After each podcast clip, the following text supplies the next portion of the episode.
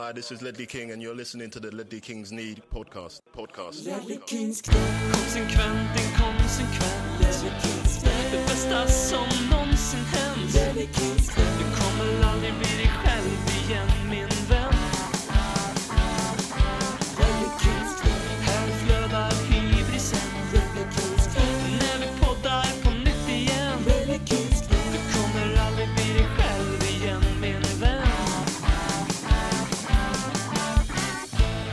Du lyssnar på ännu ett avsnitt av radioteatern om champagnefotbollens budbärare. Det här är Hybrispodden Ledley Kings knä. Och efter det här avsnittet kan vi lova att du aldrig kommer vara dig själv igen. Robin heter jag och jag vill börja med att tacka så enormt för alla nomineringar som vi har fått till eh, Svenska fans stora journalistpris eh, Guldskölden. Nomineringsurnorna står med sina öppna käftar i detta nu och väntar på dina inspel här nu fram till den 23 augusti. Så om du tycker att vi är förtjänta av att nomineras så gå gärna in och gör det. Med mig för att dra bladet från munnen den här veckan. Vi ska prata transfers, vilka vi borde värva och sälja och vilken som är vår starkaste elva. Så har jag ingen annan än mannen som tittar på Lamelas nya frisyr med en stor portion avund och kanske lite upphetsning. Ingen mindre än pedagogen från Sveriges 17 största stad, Alexander BM. Välkommen. Eh, tackar, tackar. Till att börja med, rösta på oss i Guldskölden, rösta på oss i Guldskölden och rösta på oss i Guldskölden. Eh, det finns ju någonting fint i att en av de få folkliga poddarna faktiskt skulle vinna ett folkligt pris i denna folkrörelse som podcast är. Eh, gällande Lamela så går det ju inte annat än att... Det enda jag önskade när jag såg den där bilden var ju att eh, det här medlet då som lagts i håret för att jag ska få den här krispa blonda nyansen. Att den hade bara stannat så, så det är lite blågråaktigt liksom. Alltså det, det är ju bara en av många anledningar till varför Erik Lamela är Tottenhams viktigaste spelare i alla kategorier. Man pratar ju i, eh, om att man kan göra en Freudian slip. Liksom om jag tänker på, mm, jag vet inte varför jag kom just med det här exemplet med bröst. Eh, det är så, men då kanske jag råkar säga istället för titta där kan jag säga tutta där. Så, eh, Freudian slip. Tror att det är en Freudian hair coloring slip av Lamela, att han har liksom varit i Tottenham så länge eh, och känner sig med sitt DNA så ett med klubben att, att gå till vitt hår, det har, han har inte ens tänkt på att det har med Tottenham att göra, utan det har bara blivit som en konsekvens av att han är i klubben och är Tottenham. Men lite så här, liksom, man brukar prata om att eh, man blir så lik sin partner och, eller att hundar präglar allt det som möjligt. Liksom säger Lamela det du försöker säga här nu, att han börjar liksom växa in i inredningen på Hotspur Way. Att om Ja. tio år så kommer man hitta honom i tapeten som en sån där läskig jävel som står still i någon bild och så ser man inte att det är en riktig människa typ. Exakt så. Det finns ju några sådana redan. Eh, jag menar, Osvaldo Ardiles och Ricky Villa har ju liksom, sen det att de satte sina fötter i norra London, som de första från eh, utlandet att göra så i en engelsk klubb, har ju de varit kvar i Tottenham. De är ju ambassadörer, de är väl vad jag förstår i- mer eller mindre på varenda match där och, och har något uppdrag. Så det finns vissa personer som bara sväljs av klubben. hoppas Jag att Lamela blir en sån. Vem gör inte det? Vi, ehm, på tal om sådana profiler så skulle jag vilja komma rakt in i hå, hetluften, skulle jag säga. Inte Hårtorken hålet alltså. Ja, det var en freudisk felsägning. Vi blev eh, i vers- veckan här varse om att Paul Gascoignes självbiografi, Guessas My Story, eh, Eh, kommer att filmatiseras, och inte bara filmatiseras utan dramatiseras. Så nu söker man med ljus och lykta här efter eh, skådespelare, vem är det som ska spela eh, Paul Gascoigne och sådär.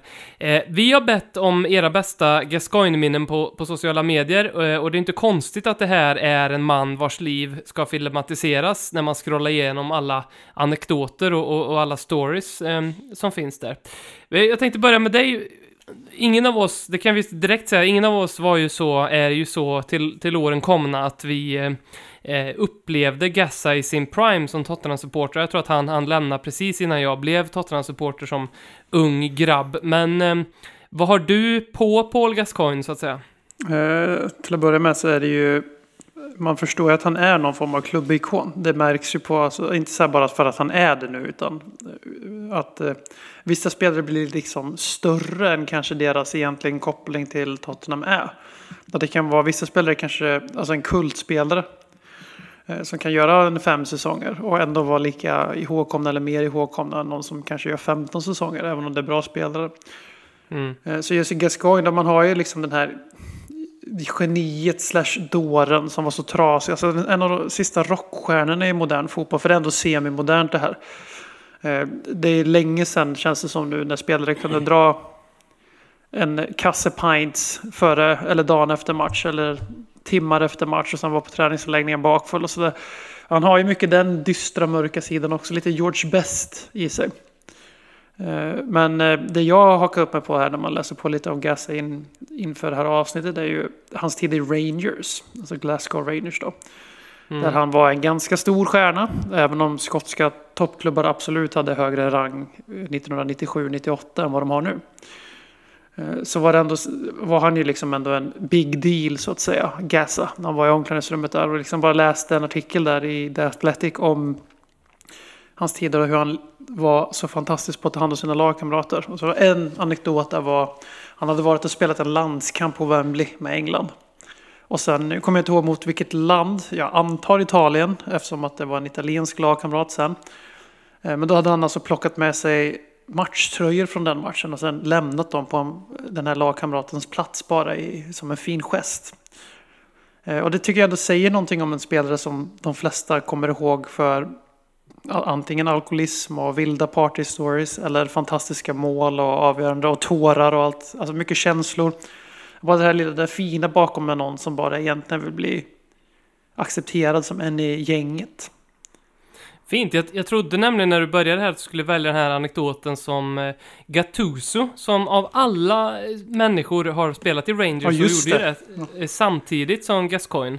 Eh, och eh, han har ju berättat att eh, första dagen efter första träningen så gick Gattuso in i duschen och när han kom ut så tyckte han att det luktade väldigt konstigt och då var det någon som hade bajsat i hans eh, fotbollstrumpor och det var ju såklart Paul Gascoigne.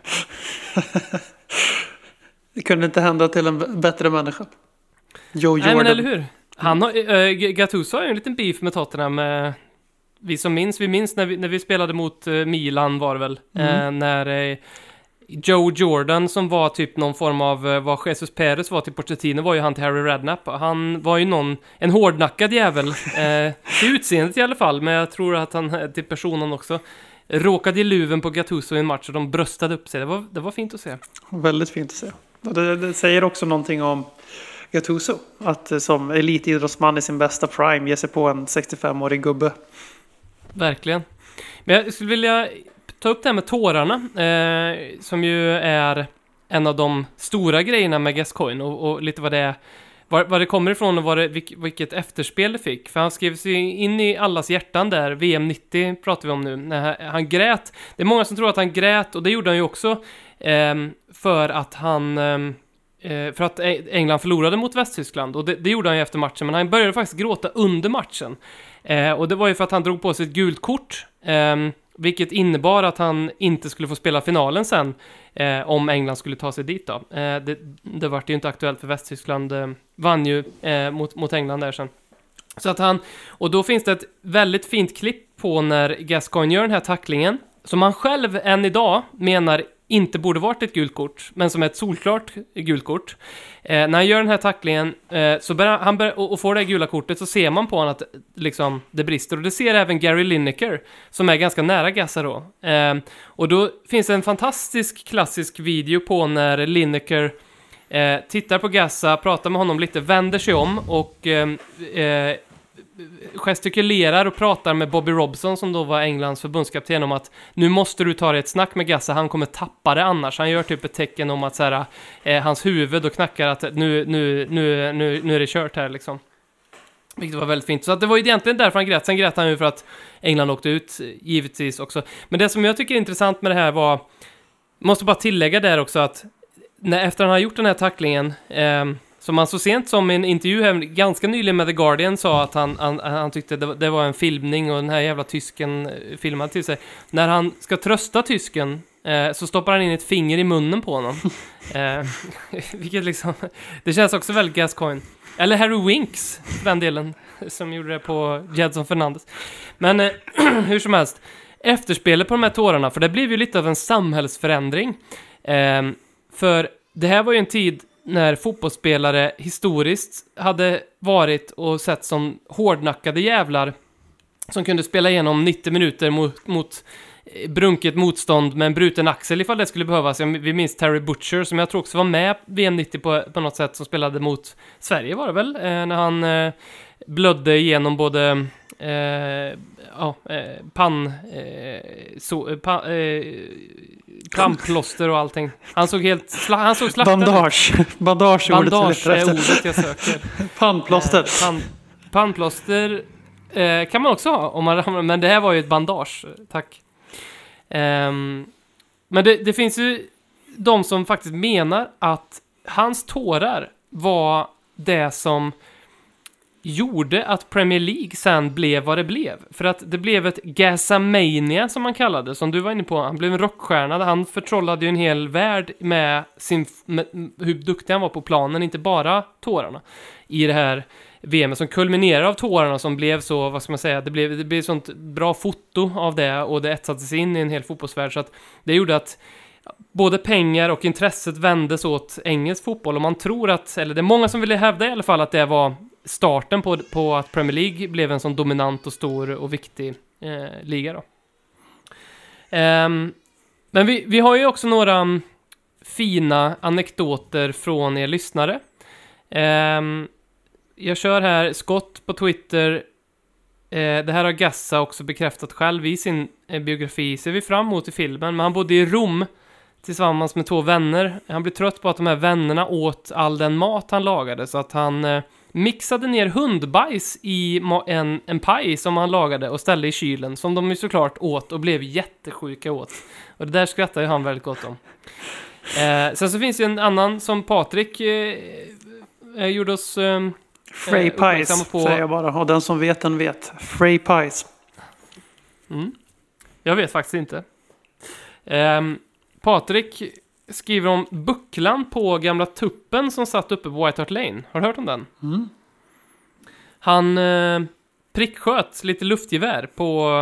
Så att det blev en... När den skulle renoveras i slutet på 80-talet, när det var, eller när det nu var, den var slut på 1900-talet, eh, 90-talet, så, eh, så plockades den ner eh, och eh, den nya eh, tuppen som står på Tottenham Hotspur Stadium, den ska ju då enligt utsago har kvar den här eh, lilla bucklan från när Paul Gascoigne pricksköt på den med ett luftgevär. Lite fint. Um, sen så har vi det som en annan fin anekdot och det hans första mål för Tottenham var ju mot Arsenal.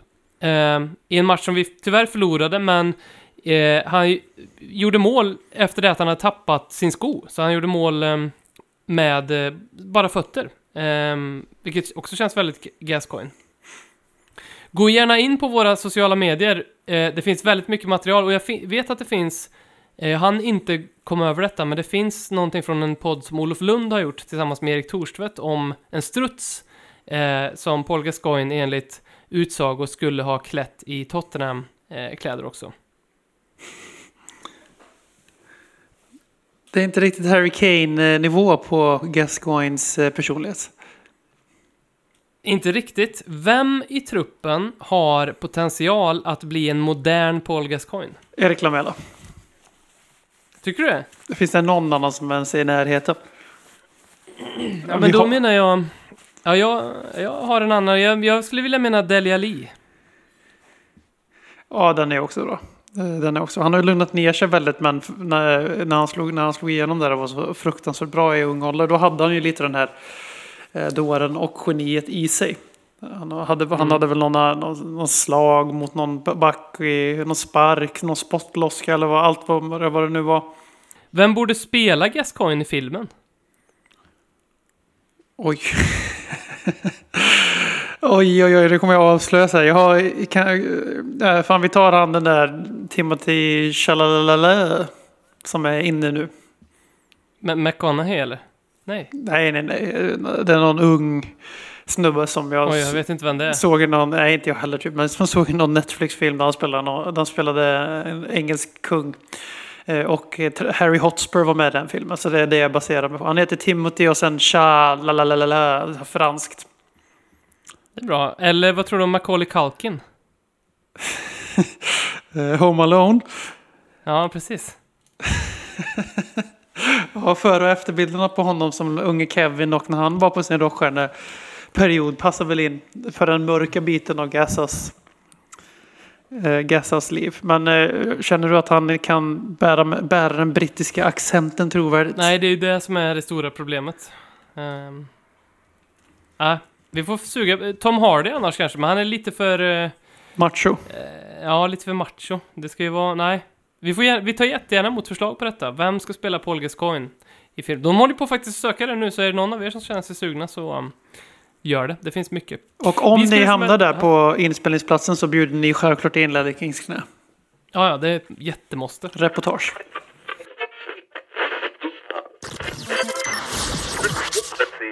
Du lyssnar på Ledley Kings knä. Du kommer aldrig bli dig själv igen. Vi ska gå över till att prata lite rykten och skvaller, för det är ju sådana tider nu. Eh, transfertider, silly season. Men jag skulle, och då skulle jag vilja stanna vid ett rykte som började cirkulera som nu har eh, fallit platt och lite reaktion på det. Eh, ni kanske minns när Tottenham torskade mot FC Bayern med 7-2 i höstas. Eh, själv minns jag det väldigt väl eftersom att min dotter föddes bara ett par timmar eh, efter den matchen. Och vi såg faktiskt hela den matchen, jag och min fru. Ehm, det enda som trumfade antalet mål var antalet verkar från henne, så det var en tuff tid. Men sen så gick ju Barcelona och torskade här 8-2 mot Bayern och, nu, och då gick ju rykteskvarnen varm om att Pochettino skulle ta över. Nu ska jag säga det här så att inte ni tror att det här är ett jättegammalt avsnitt att lyssna på. Vi vet att det inte kommer bli Pochettino, för det kommer bli Ronald Koeman istället.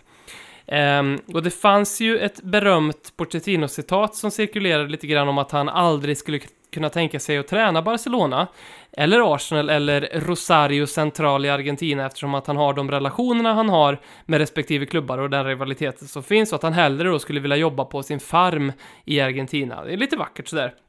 Sen var det väl lite, vad tycker du, gjorde han en liten pudel här i veckan för han um, eh, ursäktade genom att förklara att ah, men jag mötte Barcelonas president på gatan under tiden jag tränade Tottenham och så ville jag bara döda det där direkt så därför sa jag det. Det är lite dumt att säga det. Tror, eller vad, vad tror du? Var han sugen på det där Barca-jobbet, Pochettino? Han pudlar definitivt eh, när han sa det som menande och jag tror att han menade också de, de, vid de flesta tillfällen. Men nu har han gått nio månader utan jobb. Eh, man blir lite eh, fundersam vad det, är han, vad, vad det är han går och väntar på. Eh, det är ju fortfarande paro, parodi att inte han blev intervjuad för Juventus-jobbet. Eh, men ryktena säger ju att han ska ha haft för höga krav för att ta över Barcelona. Men att han mycket väl var på tapeten. Men eh, Jag tror att han var lite sugen. Jag tror att han har börjat få lite abstinens. Han är väl kanske, förmodligen inte, men han kanske också är lite lurad av Solskärs uppstudsning där efter corona när de levde på individuell briljans och frikostigt med straffar. Eh, det har ju sen inte genererat en särskilt mycket i Europa League exempelvis, trots straffar.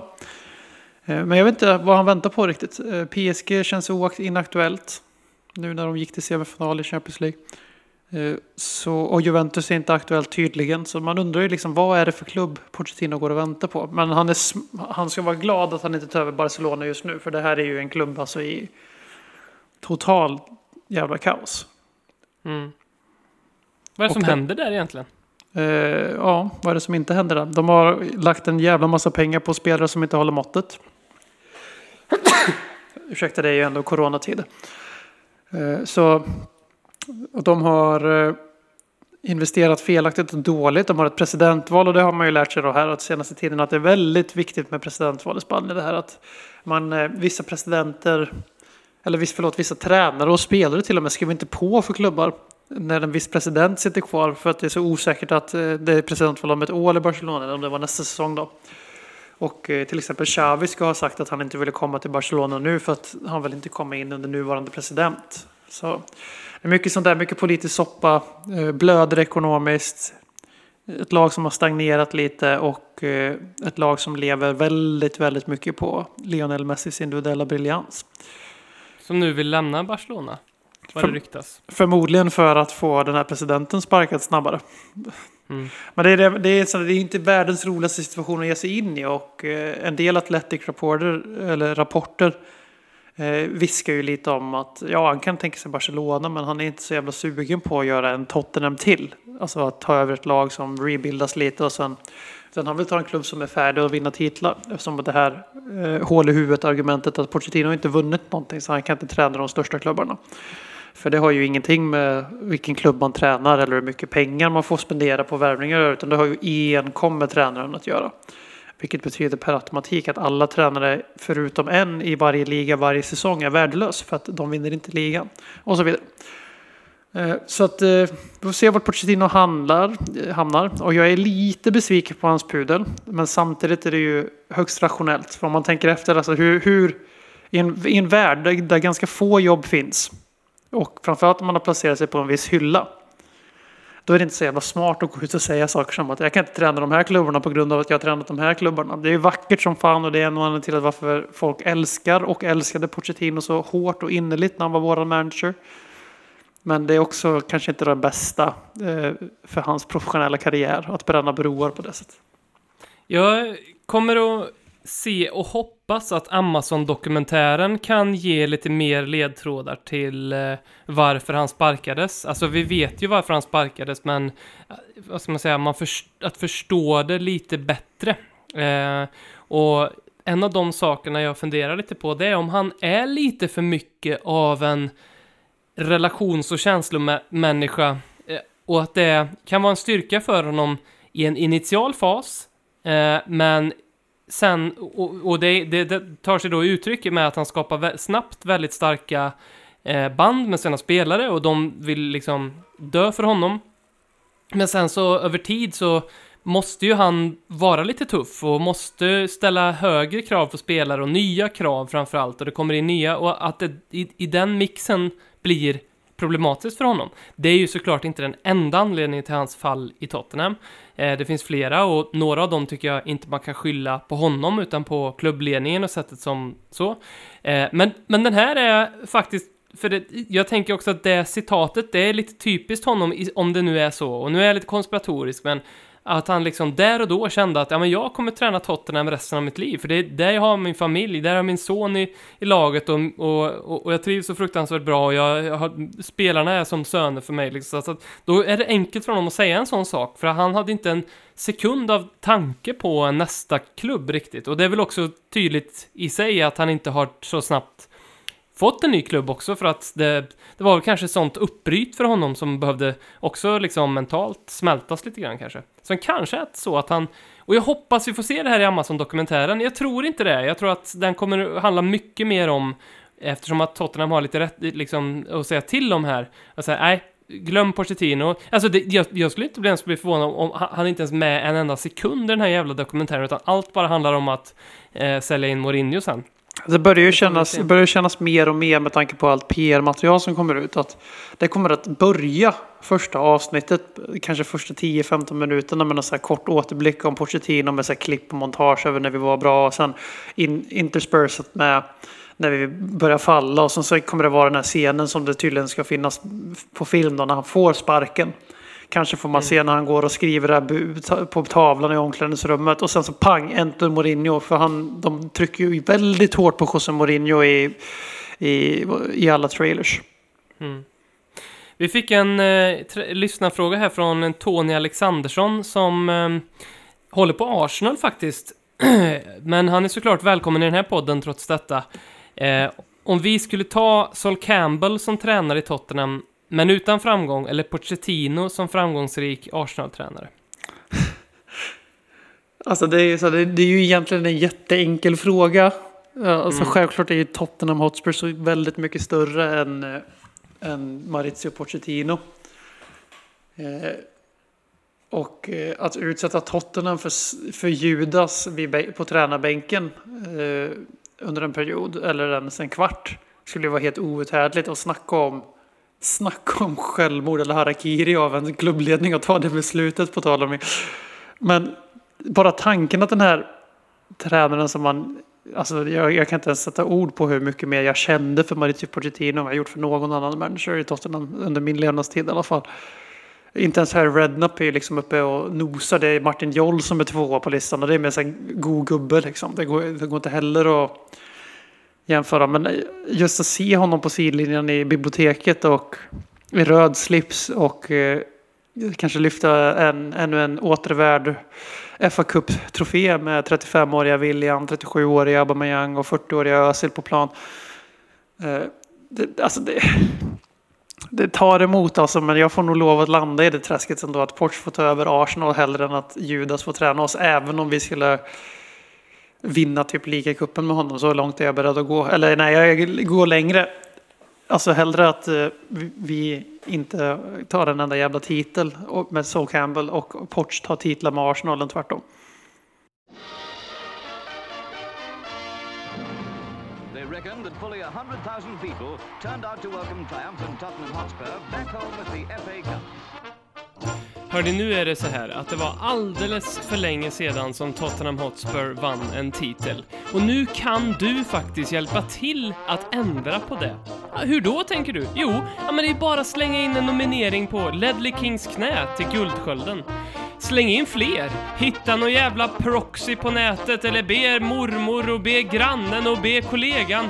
Fan, hitta på 700 olika sätt att få in mer nomineringar så kan faktiskt Tottenham än en gång få en titel. Länken till eh, nomineringen till Svenska fans Guldskölden hittar du på svenskafans.com eller så går du bara in på några av våra sociala medier. Fan, vi sprutar ut den där jävla länken. Så, nu kör vi! Nu vinner vi!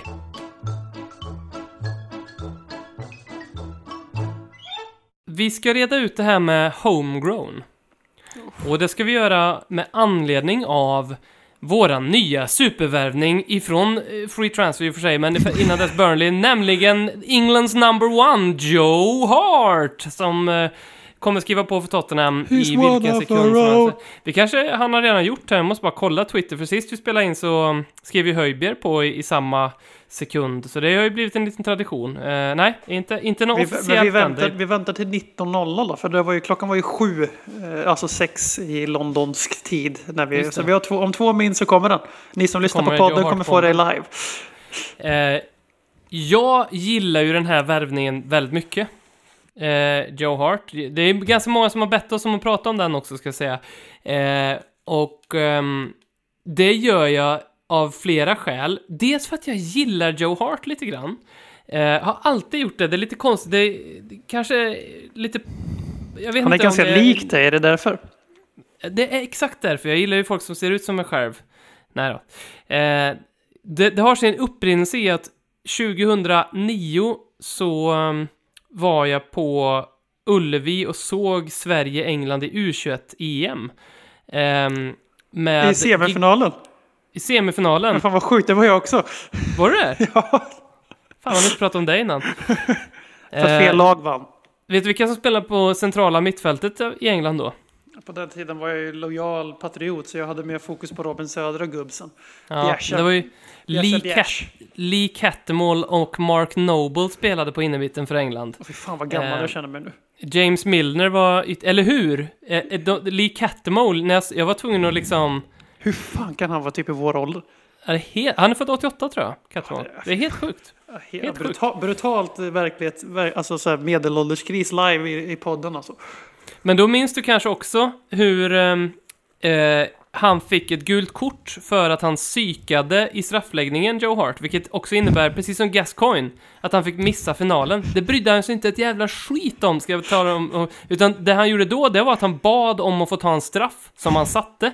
Och där och då, jag vet inte, det var någonting i mig som bara jag gillar den idioten när jag ser något sånt där. Det, det, det måste sägas. Så att eh, sen dess har jag haft ett ganska gott... Men det är inte bara därför jag gillar den här värvningen, utan det är också för att i min värld tycker jag att eh, att värva äldre rutinerade målvakter och ha som backup eh, mål, det är något jag har alla dagar i veckan än någon som då vi har nu då, Alfie Whiteman eh, som alternativ som behöver vi behöver testa om han funkar, så han behöver ju åka ut på lån nu och, för att se om han kan bli en framtida målvakt i Tottenham. Och, då kan han inte sitta och nöta bänk. Så det, det är en jättebra, eh, också bra värvning. Sen så tycker jag det är väldigt bra att få in en, en, en sån, som jag tror är en ganska tydlig, det är helt övertygad om, en ganska stark röst i ett omklädningsrum också, vilket kommer vara väldigt nyttigt för Mourinho. Trots att han inte, Joe Hart, kommer gå in och peta Höjgård nu, så kommer han vara otroligt, liksom han kommer ju gå han kommer ju vara som ett språkrör för Mourinho, för Joe Hart har säkert någon form av framtida ambition om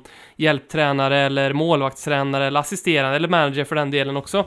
Han Ehm, känns, han känns som en spelare som skulle ha svårt att hitta någonting annat utanför fotbollen. Ja, för, för han är ju inte så jättesmart tror jag. Eh, så. Men eh, det ska jag låta vara osagt. Men, så att, av det, och det tror jag är väldigt nyttigt för klubben. Sen är han ju faktiskt en vinnare. Alltså, jag tror att han, han kommer komma in med den typen av... Eh, mer än vad Michel Worm har, eh, som ju är en mysig och trevlig och, och skön snubbe som man gärna spelar FIFA med, så är Joe Hart troligtvis någon som man kanske sträcker sig lite extra på sig själv på träningen för att han, han finns där. Ehm, och så har vi då det här med homegrown ehm, som hjälper. Och då lämnar jag över till dig BM, så får du förklara det här med, med homegrown. Och sen ska du också få säga vad du tycker om att vi värvar Joe Hart. Vi börjar med att säga att live i podden så är det nu officiellt att Oliver Skip har blivit utlånad till Norwich. Och det, det passar ju in här. Yes. Det passar ju in här för att han är ju en så kallad blivande homegrown-spelare. För att eh, en homegrown-spelare hörs på namnet, he's one of our own. Det betyder i Harry Kanes fall att han är verkligen en av Tottenhams egna tillsammans med Harry Wings framförallt som har gått liksom verkligen hela vägen genom Tottenhams akademi. Annars är homegrown en spelare som definieras som alltså en spelare som i ung ålder, före 21 års ålder, har spelat minst tre år i en Football Association Club, alltså FA, a.k.a. en brittisk klubb eller engelsk klubb beroende på tävling. Eh, och eh, man får 25 spelare, både i Premier League-truppen eller 25 spelare i Champions League eller Europa League-trupperna. Och Kongo-reglerna är snarlika, men de är något snävare ute i Uefa. Till exempel så räknas Ben Davis, eftersom att han fostrades i en walesisk klubb, inte som homegrown i Champions League eller Europa League, men i Premier League är han en homegrown-spelare. Eric Dyer, så får vi den av också, är britt och engelsman och allt det där, men han spelade sin ungdomsfotboll i Sporting, tror jag. Så att han är inte homegrown, trots att han har varit i Tottenham väldigt länge och sådär.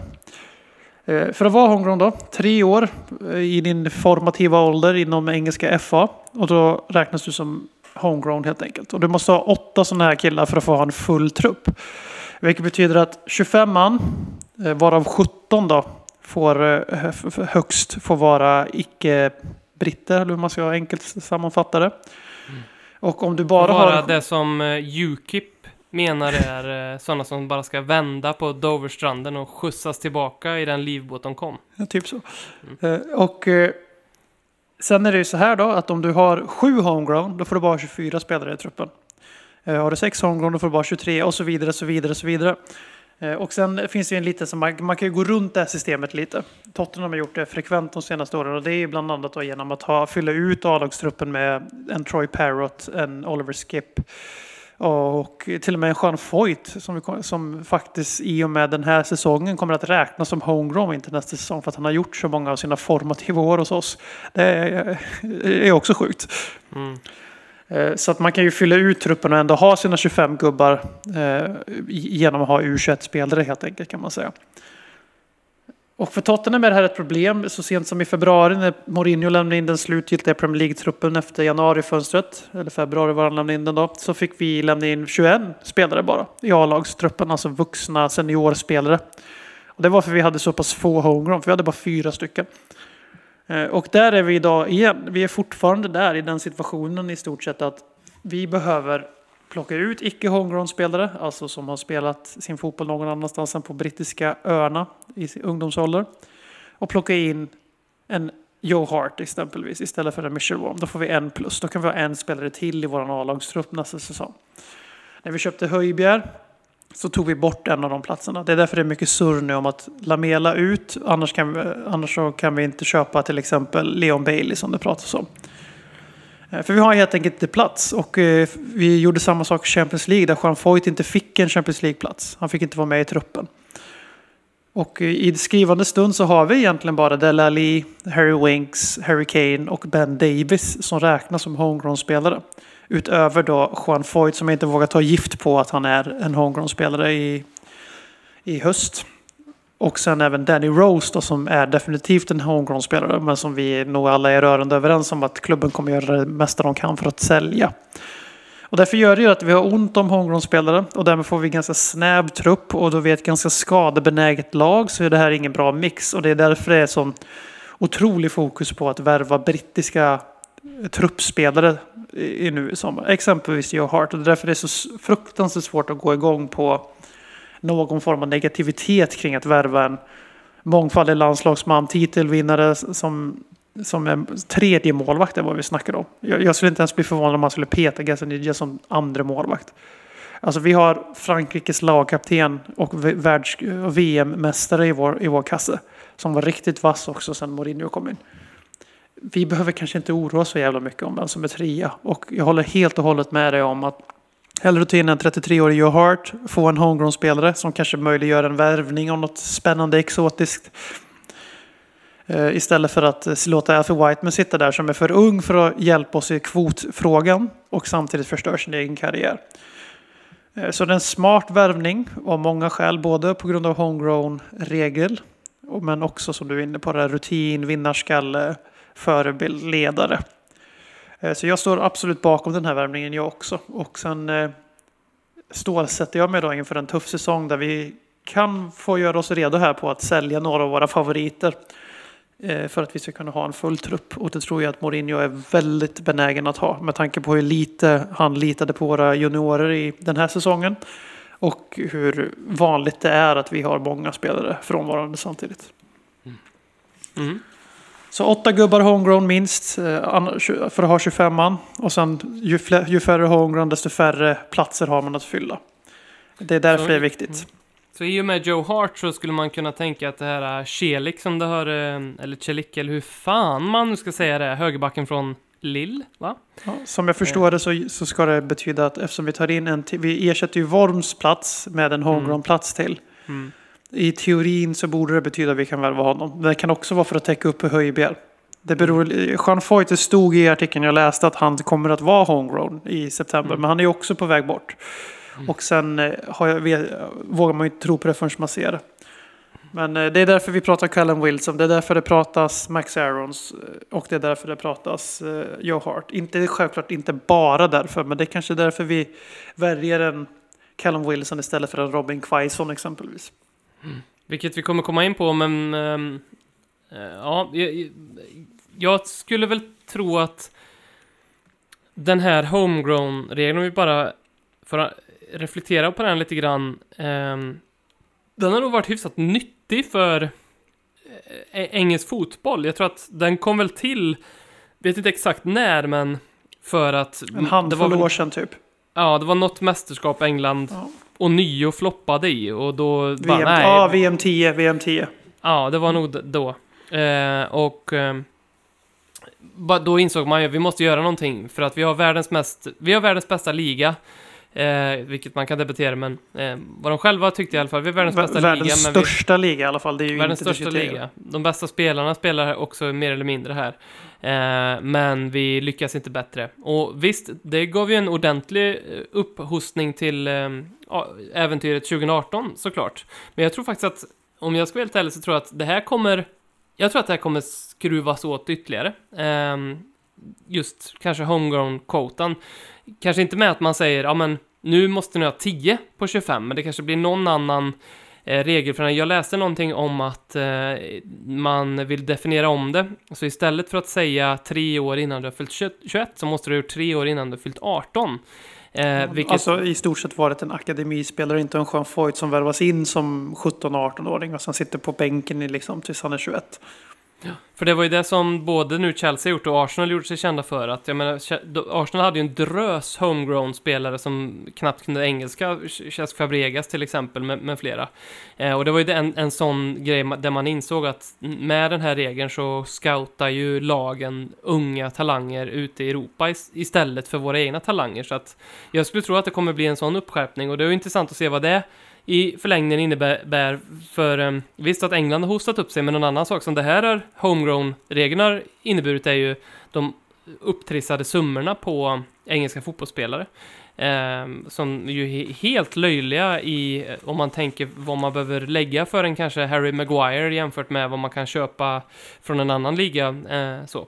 Eh, om vi tänker det Max Aarons exempelvis då som kommer kosta i alla fall minst lika mycket som den här Celik. Och då, har vi, då snackar vi en kille som åkte ut med Norwich utan att imponera särskilt kontra en spelare som ordinarie ett lag som Eh, spelar Champions League och är med i Europa-spel och sådär. Alltså det är ju, Mm. det är ju nivåskillnader om man säger så. Mm. Eh, Robin Nordanlid har frågat Robin Quaison, eller Quaison eller hur fan man säger, eller Gareth Bale. Vi pratade om det förra veckan att vi inte vill se Gareth Bale i truppen, men vill du se Robin Quaison? Hur fan säger man? Quaison. Quaison. Man säger, Robin Keso säger man absolut. Robin Keso. Eh, Alltså, frågan är alltså Gareth Bale eller Robin Quaison? Ja. Ja, Gareth Bale. Vi snackar, snackar en kille som alla, alla laster till, till, till dygd eller till, till dygd, alla laster till trots. Världsklasspelare, i alla fall sist vi såg honom spela fotboll regelbundet. Robin Quaison, Mm. 26-27 barre. 13 mål i Mainz. Egentligen inte anfallare-ish. Här finns det säkert någon aik som kan uppläxa oss lite. Men han spelar anfallare i Mainz nu. Det är ing, det är, jag- den här säsongen gjorde han det. Eh, Jag tror han gjorde nästan alla sina 13 mål före corona också. Eh, Men han är ju inte en nia. Utan det är ju mer en så anfallare som Son är en anfallare. Alltså mer åt det hållet. Kanske lite second striker-vibbar. Eh, Det känns lite... Det är alternativet. Någon som gör 13 mål i Mainz, vilket är imponerande, absolut. Och så är det Gareth Bale på andra handen. Ah, inte ens Livy, inte ens Livy väljer ju Quaison här. Nej, det känns lite konstigt. Det känns lite svårt för Keso. Men det hade varit kul eh, med en Robin i Tottenham. För min skull, om inte annat. Det hade också varit Eh. kul för eh, Viasats eh, tablågörare. Det Att, hade varit väldigt bra. Tänk ramaskriet när Tottenham Everton eller Tottenham Arsenal, ett mittenmöte i Premier League, visas före Liverpool mot Sheffield. Hur har de mage? Alltså det är...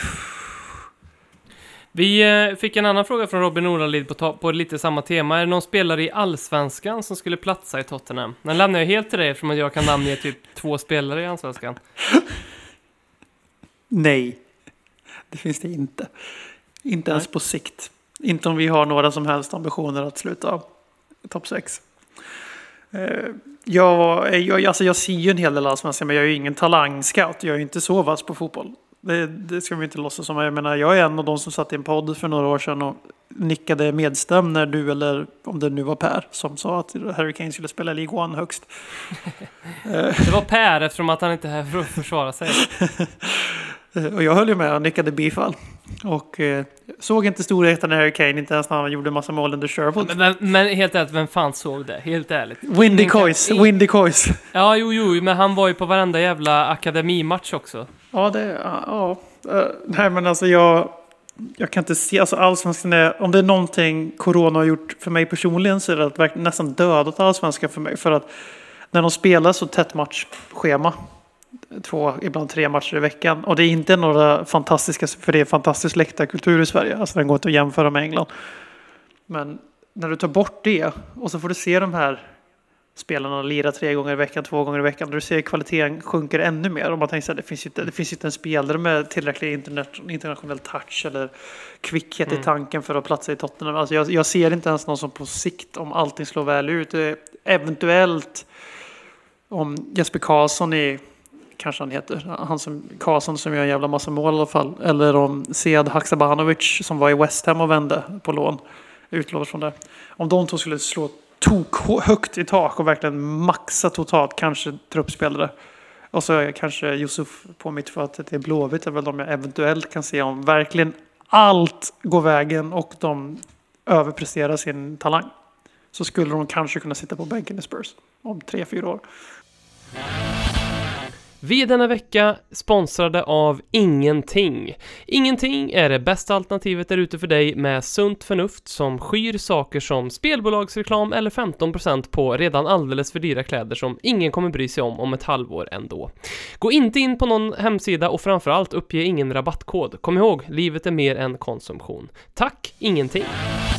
Det här blir en ganska bra radioövergång här nu på um, just det här med coronafotboll, spel inför tomma läktare, för vi fick en eh, fråga, eller ett gäng frågor ska vi säga, från Karin på Twitter som önskar lite coronaspecial fokus spelarcykeln.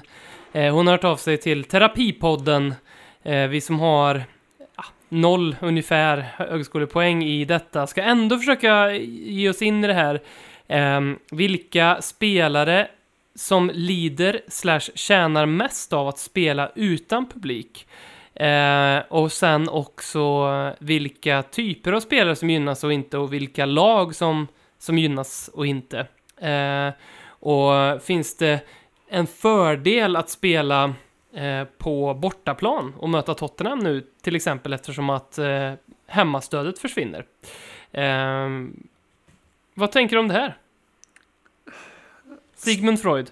Eh, som alltså min vän BF Skinner sa. Nej, men eh, spontant så tror jag nästan att det är tvärtom. Alltså, jag tror inte att engelska läktare generellt har den liksom in, alltså skräckinjagande, alltså bland alla de här arenorna som är väldigt stora i alla fall.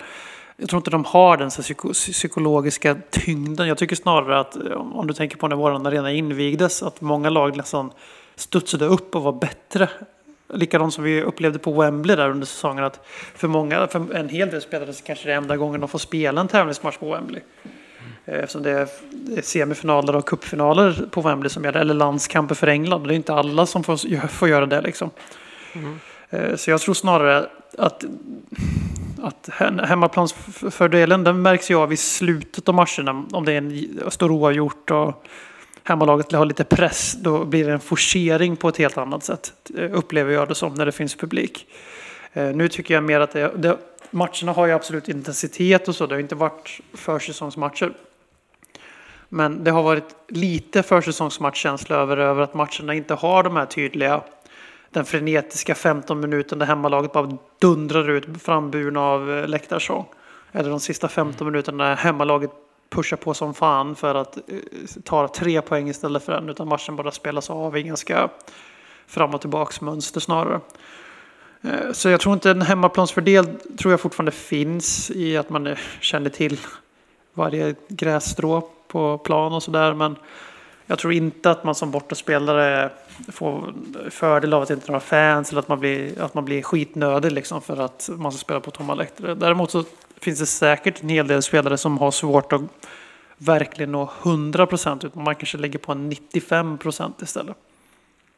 Men det borde ju också å andra sidan gälla för de allra flesta tror jag. Exakt. Alltså de, de allra, allra flesta spelarna tappar lite och särskilt som brittisk fotboll som ju lever mycket på momentum. Det är ett Mm. lag som Sheffield United kan komma upp från Championship och, och liksom... För, för det är ett exempel som jag skulle vilja ta med ett lag som jag tror faktiskt inte tyckte att det var så jättekul, även om de lyckades slå oss nu då. Och så lyckades de väl slå Chelsea, men de dippade ju efter coronan, Sheffield United. De tappade ju sitt momentum. Det gjorde ju också Leicester, tappade också sitt momentum. Kanske också hade lite med spelschemat för deras del att göra, men... Um, så ur den aspekten tror jag att ett lag som går riktigt bra som in i en corona och sen så får komma ut och spela fotboll på ett helt annat sätt. Men eh, de, de tar nog liksom en knock, men individuella spelare. För jag, så Lamela är ett exempel på en sån som, det är ganska mycket momentum med honom. Jag tycker snarare att han var riktigt bra efter inför tomma läktare. Eh, så att, Han visade att han, han bara har den växeln. Vi har ju sagt om honom så länge att han, han har bara den Mm. växeln.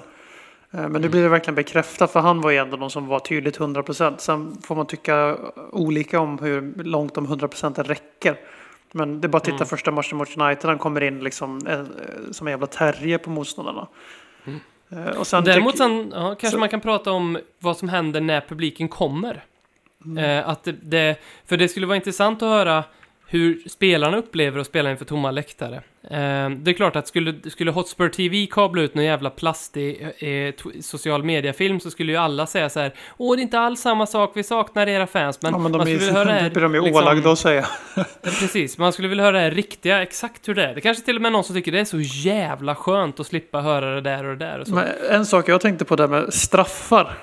Alltså straffskyttarna är ju absolut mindre nervösa. Det tycker jag verkligen. Mm. För det är fan vad de sätter straffar till höger och vänster. Och det är ju inga så här normala utan det är ju showstraffar hela tiden. Mm. Jag tror inte man vågar den. Om, om man spelar på Old Trafford, det står 1-1 mot, eh, mot Wigan säger vi i ligacupen eller FA-cupen och det sitter 60 000 pers Då vågar du inte strutsa fram och göra någon jävla showstraff. Nej, Om du inte är nej. Paul Pogba då. För om du missar då, då är du ju hängd. Mm. Och det tyckte jag märktes lite grann på Tottenham, för vi var inne i en väldigt, väldigt, väldigt negativ spiral när Corona kom. Mm. Corona räddade ju vår Europaplats lite grann eftersom att vi var ju i fritt fall.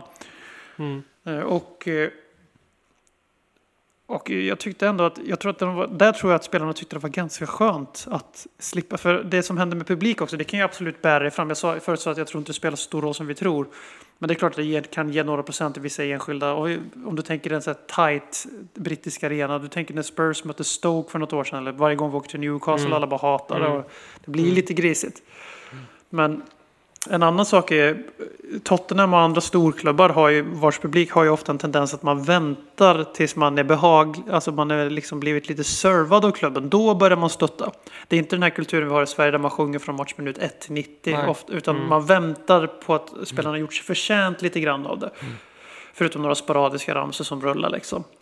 Och sen, händer, sen händer matchen, någonting händer i matchen och så börjar arenan leva. Tänk North London Derby, då lever ju arenan jämfört när vi möter Bolton i ligacupen. Då lever inte arenan utan folk sitter och väntar på att de ska bli underhållna och då kan det rulla igång. Och tänk dig då kliva ut där, man vet vi måste i stort sett gå rent här för att ha en chans på topp 4. Vi måste ta väldigt många poäng för att sluta topp 6. Och så första 20 minuterna är rätt, rätt krickiga, det ser inte så bra ut och publiken sitter i stort sett tyst. Och kanske du hör till och med "Ah, fuck off, come on! Ja, Så det, det, det, du är något på spåren där. Det kan bli tufft att ställa om. Sen så kan det också vara... Jag skulle kunna tänka mig att särskilt då den här nya trenden som är med att eh, alla klubbar verkar anställa för detta spelare som managers. Jag kan tänka mig att de har en liten föreställning om att okej, okej, nu är det ingen publik där ute. Nu vågar jag ge dig chansen, som jag vet kanske har inte alltid det psyket inför en, eh, inför en hetskläktare, eller till och med ge fler rookies eller ynglingar chansen. Liksom. Det kan jag se hända, vilket borde hända i vanliga fall också eftersom att det är det enda sättet för dem att få se erfarenhet. Men, men det är väl någonting man hoppas lite grann på under eh, de eh, omgångarna eh, innan publiken. Den ryktas ju återkomma redan här i oktober så vi, vi får se. Vi har det ju det. en spelare, vi tog inte upp någon, men en spelare jag tror det här var negativt för i Spurs, det var Della Ali. För jag tror att han är en Mm. av de här spelarna som tänder till några extra procent, när, framförallt när motståndarsupportrar är på honom. Verkligen. Han Så älskar ju eh, sånt. Så, och det, tror- Sen var det, det, intressant. det tror jag att han led lite av. ja. Det var intressant att läsa eh, något som jag själv inte hade, upp, som jag uppmär- inte uppmärksammade, men någon som eh, mär- påtalade, vad, eftersom att man nu hör allting som händer på plan och när spelarna pratar till varann, eh, att Tottenham överlag är rätt dåliga på att prata med Mm. varann. Eh, och i synnerhet att Davinson Sanchez, som en mittback, inte sa mer eller mindre ett enda ord i en match, men Eric Dyer spelade någon match och pratade mer eller mindre genom hela matchen. Eh, och det var också någon som eh, nämnde då att det här Höjbjer som vi har eh, tagit in här är en sån typ som eh, inte är tyst eh, en sekund mer eller mindre under match, vilket kan vara ganska nyttigt för ett lag oavsett ifall det finns publik eller inte. Men det var intressant när publikljuden var borta att höra hur spelarna, hade, spelarna kommunicerade eller inte. För det gör ju, alla som har spelat fotboll vet ju vad otroligt mycket det gör att ha framförallt en målvakt mittback, men fler spelare på plan som pratar konstant och då är det inte så här bra, gör så där utan som skriker mer eller mindre nu kommer du och ställer dig här för i helvete. Alltså sådana här saker. Ja, men Eh, man, gör det kallas ju central linje av en anledning. Målvakt, central mittfältare, alltså mittback, central mittfältare, nia. Alltså det, är- det är just för att det är de personerna som ska i varsin lagdel liksom styra. Mm. Och eh, Höjberg, jag vet inte, det är väl fel fråga kanske, men eh, sällan har man ju sett en mer imponerande intervju efter att ha presenterats. Alltså det bara Verkligen. osar alltså ledare, och nu fattar jag att den är tillrättalagd alltså, men de är ju oftast rätt beiga och väldigt mycket två av fem. Eh, Sådana här videos, intervjuer. Men det här var ju en kille som både läst väldigt intellektuell och väldigt medveten och visste exakt vad han gjorde som hade i stort sett tvingat, hit, tvingat sig till Spurs. Jag var väldigt målmedveten. Jag blev faktiskt, jag tror jag kan inte komma på en annan intervju med en ny anställd spelare som alltså imponerat på mig för överhuvudtaget. Så att eh, man blir ju ännu mer eh, övertygad om att man har scoutat den här killen helt rätt med tanke på just det här som du pratar om, ledarskapsegenskaperna som liksom bara sprutar ut ur killen. Och Joe Hart är ett sånt exempel också, lite ledartyp. Eh, vi fick den frågan faktiskt från Erifin ehm, på Twitter om vi skriver upp Höjbjer lite mycket, för det, det gör vi ju. Det har ju vi gjort i den här podden och Tottenham ehm, eh, har på Twitter tryckt ut extremt mycket tweets om Höjbjer sedan han eh, värvades, vilket jag tror har ju en direkt order från Daniel Levy, eh, som ju har spelat det här mentala spelet med oss supportrar, för han vet ju att han kommer få mycket skit oavsett egentligen hur mycket transfers vi gör eller inte gör. Eh, så han har nog uppmanat det här sociala medier-gänget om att eh, påminna fansen riktigt jävla noga om att vi har gjort en värvning, eh, vilket vi har gjort. Och sen så tittar man på reaktioner, framförallt från Liverpool-håll, som inte, och- eller från andra supportrar som inte har varit så här, åh vilken bra värvning, utan som har mer eller mindre skrattat åt den här värvningen. Och det jag tror är att eh, vi skriver upp honom, men vi, jag har nog ingen sån här eh, känsla av att vi skriver upp honom för att han kommer komma in och vara liksom en av de två, tre spelarna som är absolut mest framstående och viktigast och bäst. Eh, och som står för de individuella prestationerna som gör att vi vinner matcher. Jag tror att vi skriver upp Höjbjer för att det är exakt den värvningen vi behövde göra i Absolut. alltså skölden vi får, vi behöver någon som kan vinna boll framför backlinjen, som är ett rivjärn, och vi behöver den här inställningen, någon som verkligen vill spela för Tottenham och som verkligen vill vinna matcher, eh, och som har den typen av ledarstil. Och därför känns det här så bra, och då, då, då tycker jag att det, vi kommer ju få, oavsett lite nästan hur det går för Herbier, om inte han gör eh, massa mål och, och, och blir liksom eh, player of the year och grejer, så, så kommer vi få höra att det var väl inte någon jättestor värvning, men när man kanske tittar och summerar lite längre fram vad han har faktiskt kommit in med till Tottenham så tror jag att det kommer vara en väldigt bra värvning. Men alltså han är ju en symbol för Mourinho. Vi kan inte ha det kort här med transfers. Men vi har ju sett en stor skillnad. Vi har redan skickat ut eh, eh Skip på lån. Vi sålde Amos. Vi skickade iväg någon annan före detta ung spelare. En av alla, jag kommer inte ihåg namnet nu, men eh, som, en av alla unga spelare som fastnade i, i skärselden under Portis år. För dåliga för A-laget egentligen, men vill inte skicka ut på lån för de tillför ändå någonting. Mm. Eh, lite som Troy Parrott var förra året. Men det var ju för att återkoppla till homegrown. Så det mesta var ju, alltså han var ju kvar januari ut. Både för att vi inte har någon backup till Kane. Men framförallt för att han behöver bli homegrown. För han har ju spelat i tre år för oss snart. Mm. Eh, Men, eh, och han är ju också ute på lån nu. Alltså Skip och Parrott är ju två av våra mest lovande spelare. Redan ute på lån. Joe Hart, snart inne pang, klart. Höjbäck, det var inte många veckor. Det var inte, alltså hade det ens gått en vecka av transferfönstret officiellt öppnade före han var klar. Han plockade vi in för tre jävla miljoner i, i rena pengar. Även om det kostade oss en Kyle Walker Peters också. Mm. Och om du tänker då det här Dyer-experimentet, mittback igen. Tydligt mittback, rakt in i startelvan när Davy hade varit jättebra bredvid Toby. Men som du var inne på, Dyer hör och han styr och han leder. Rakt in före Davy som kanske är en bättre fotbollsspelare. Jag skulle sträcka mig så långt som att han är en bättre fotbollsspelare. Bredvid en stark ledare som inte är Dyer av någon anledning. F- Han, brukar, han funkar bättre bredvid Toby. Och sen framför dem i planen så kommer du ha, eh, du kommer ha Loris, du kommer ha Dyer Toby, där Dyer är den vokala. Och sen kommer du, höra, sen kommer du ha Höjbjerg och sen Kane högst upp. Alltså det är ganska tydligt att Mourinho håller på och gör sin centrallinje med starka jävla ledare. Och även kryddar med starka ledare i omklädningsrummet. Han tycker ju helt enkelt, och det har han ju sagt ganska tydligt, att vi är good, alltså för snälla pojkar som inte, vin, inte får kyssa trofén eller vad man brukar säga. Mm. Och han håller på omvandla det och när man kan göra det genom en sån här tydlig värvning som, som är precis vad vi behöver så är det ju bara att hugga till. Och sen om man förväntar sig att han ska göra massa poäng då, då har man ju inte tittat på honom spela fotboll ens. Då tittar man ju bara på offensiva spelare i fotboll. Det är ju tyvärr inte bara offensiv som betyder något.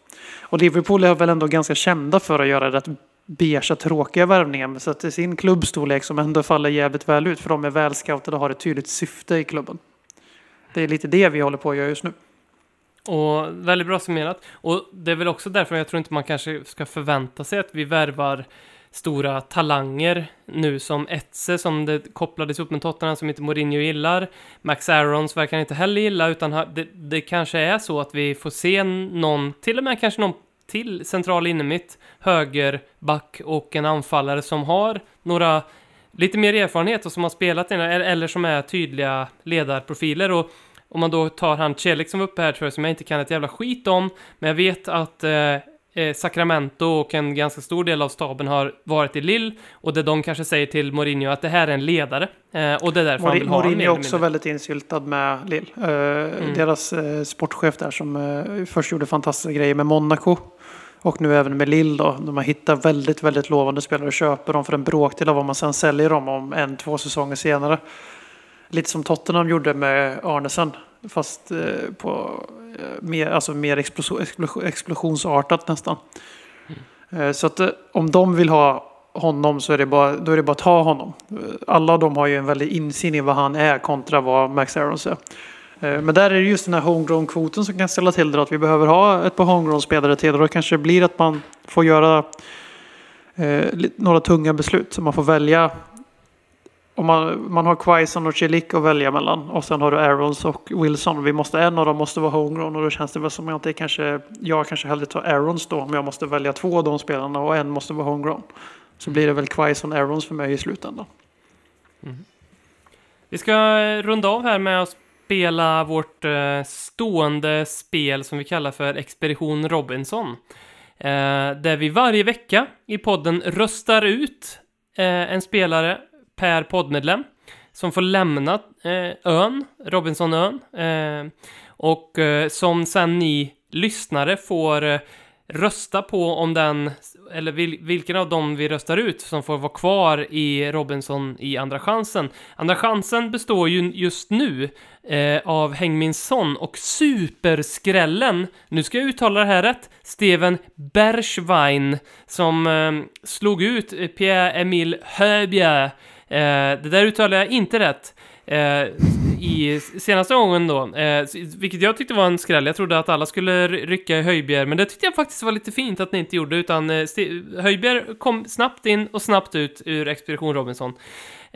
Vem vill du rösta ut den här veckan, BM, och varför?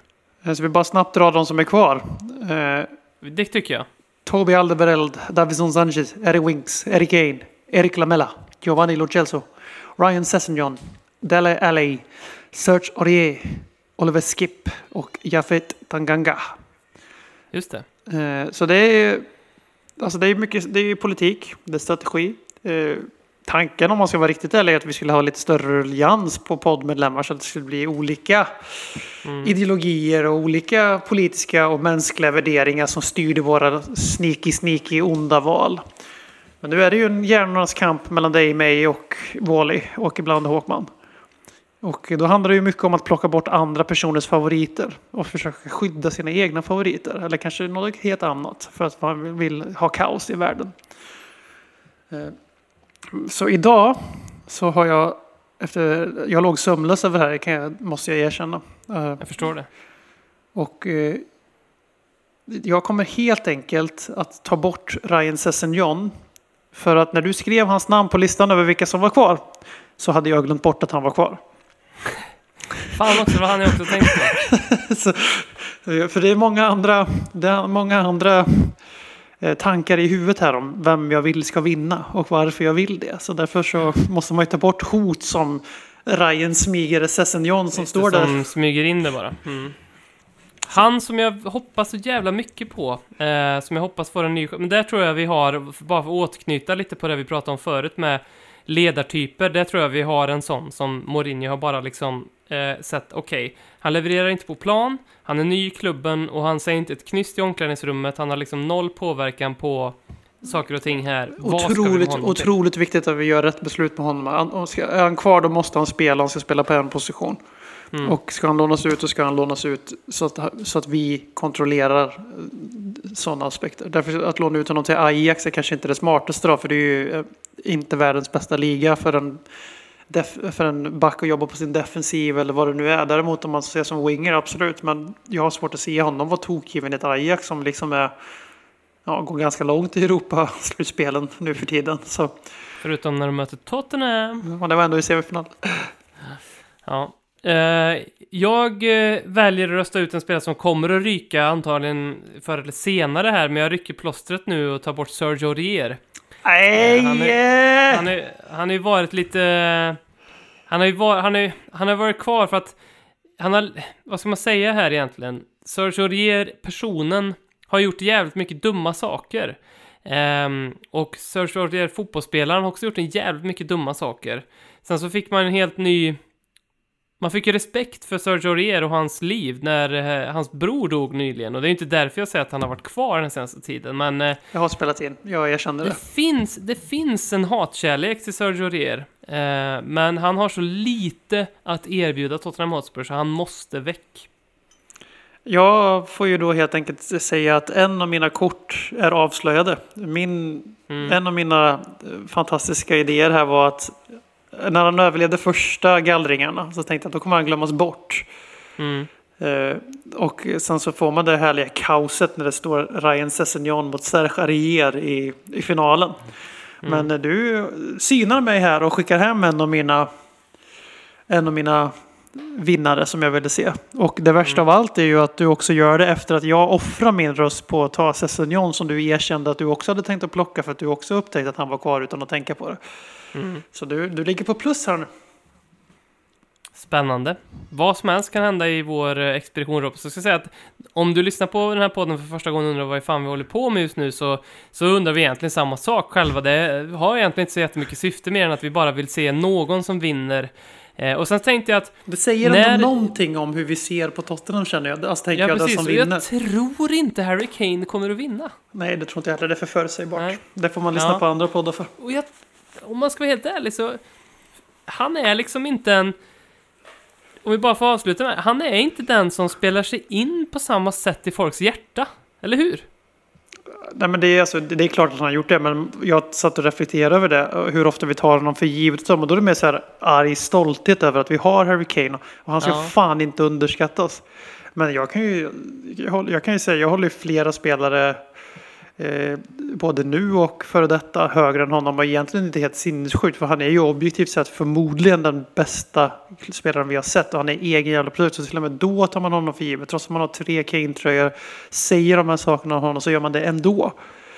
Så att det, det, du är definitivt någonting på spåren. Jag menar jag håller Robbie som- Keane högre och det är ju, det är ju sk- skandal.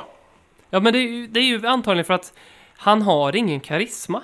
Och det är den sista lilla pusselbiten. Hade Harry Kane, alltså tänk, föreställ dig det här, och vi kan ha ha det som avslutning på den här podcasten. Eh, det är, eh, och nu är det superskruvat, superskruvat. Men det är säsongens sista match och den ska spelas på Emirates. Eh, och Arsenal har det gått så jävla dåligt för, så att om vi vinner matchen, då åker de ur Premier League. Och Tottenham har gått så jävla bra för, så att om vi vinner matchen så vinner vi också ligan. Tänk då att det står 1-1, vilket innebär att typ Chelsea vinner ligan och Arsenal stannar kvar.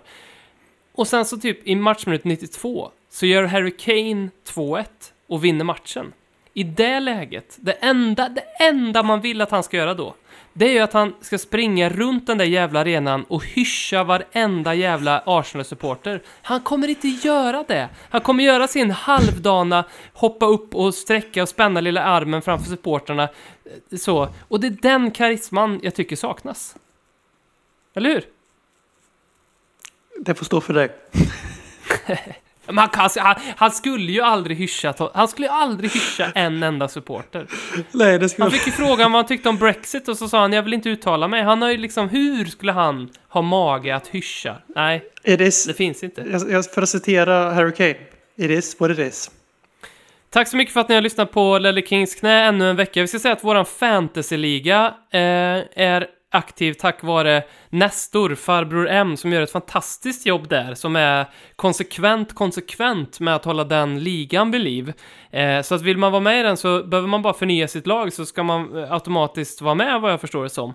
Eh, ligakoden kan ni få, vi kommer basunera ut den på sociala medier också. Och tack till er som har nominerat och tack till er som nu tänker nominera oss i Guldskölden. Och till er som vill gå ännu längre så finns det ju mormödrar och kollegor och släkt och vänner som man liksom kan terrorisera. Ehm, det kanske finns liksom ryska hackerfabriker som inte kostar så mycket, eh, men som ändå ger så mycket och en titel som vi så länge i Tottenham-led har suktat efter. Så tack för det! Vote or die. Konsekvent, inkonsekvent Det bästa som någonsin hänt Du kommer aldrig bli dig själv igen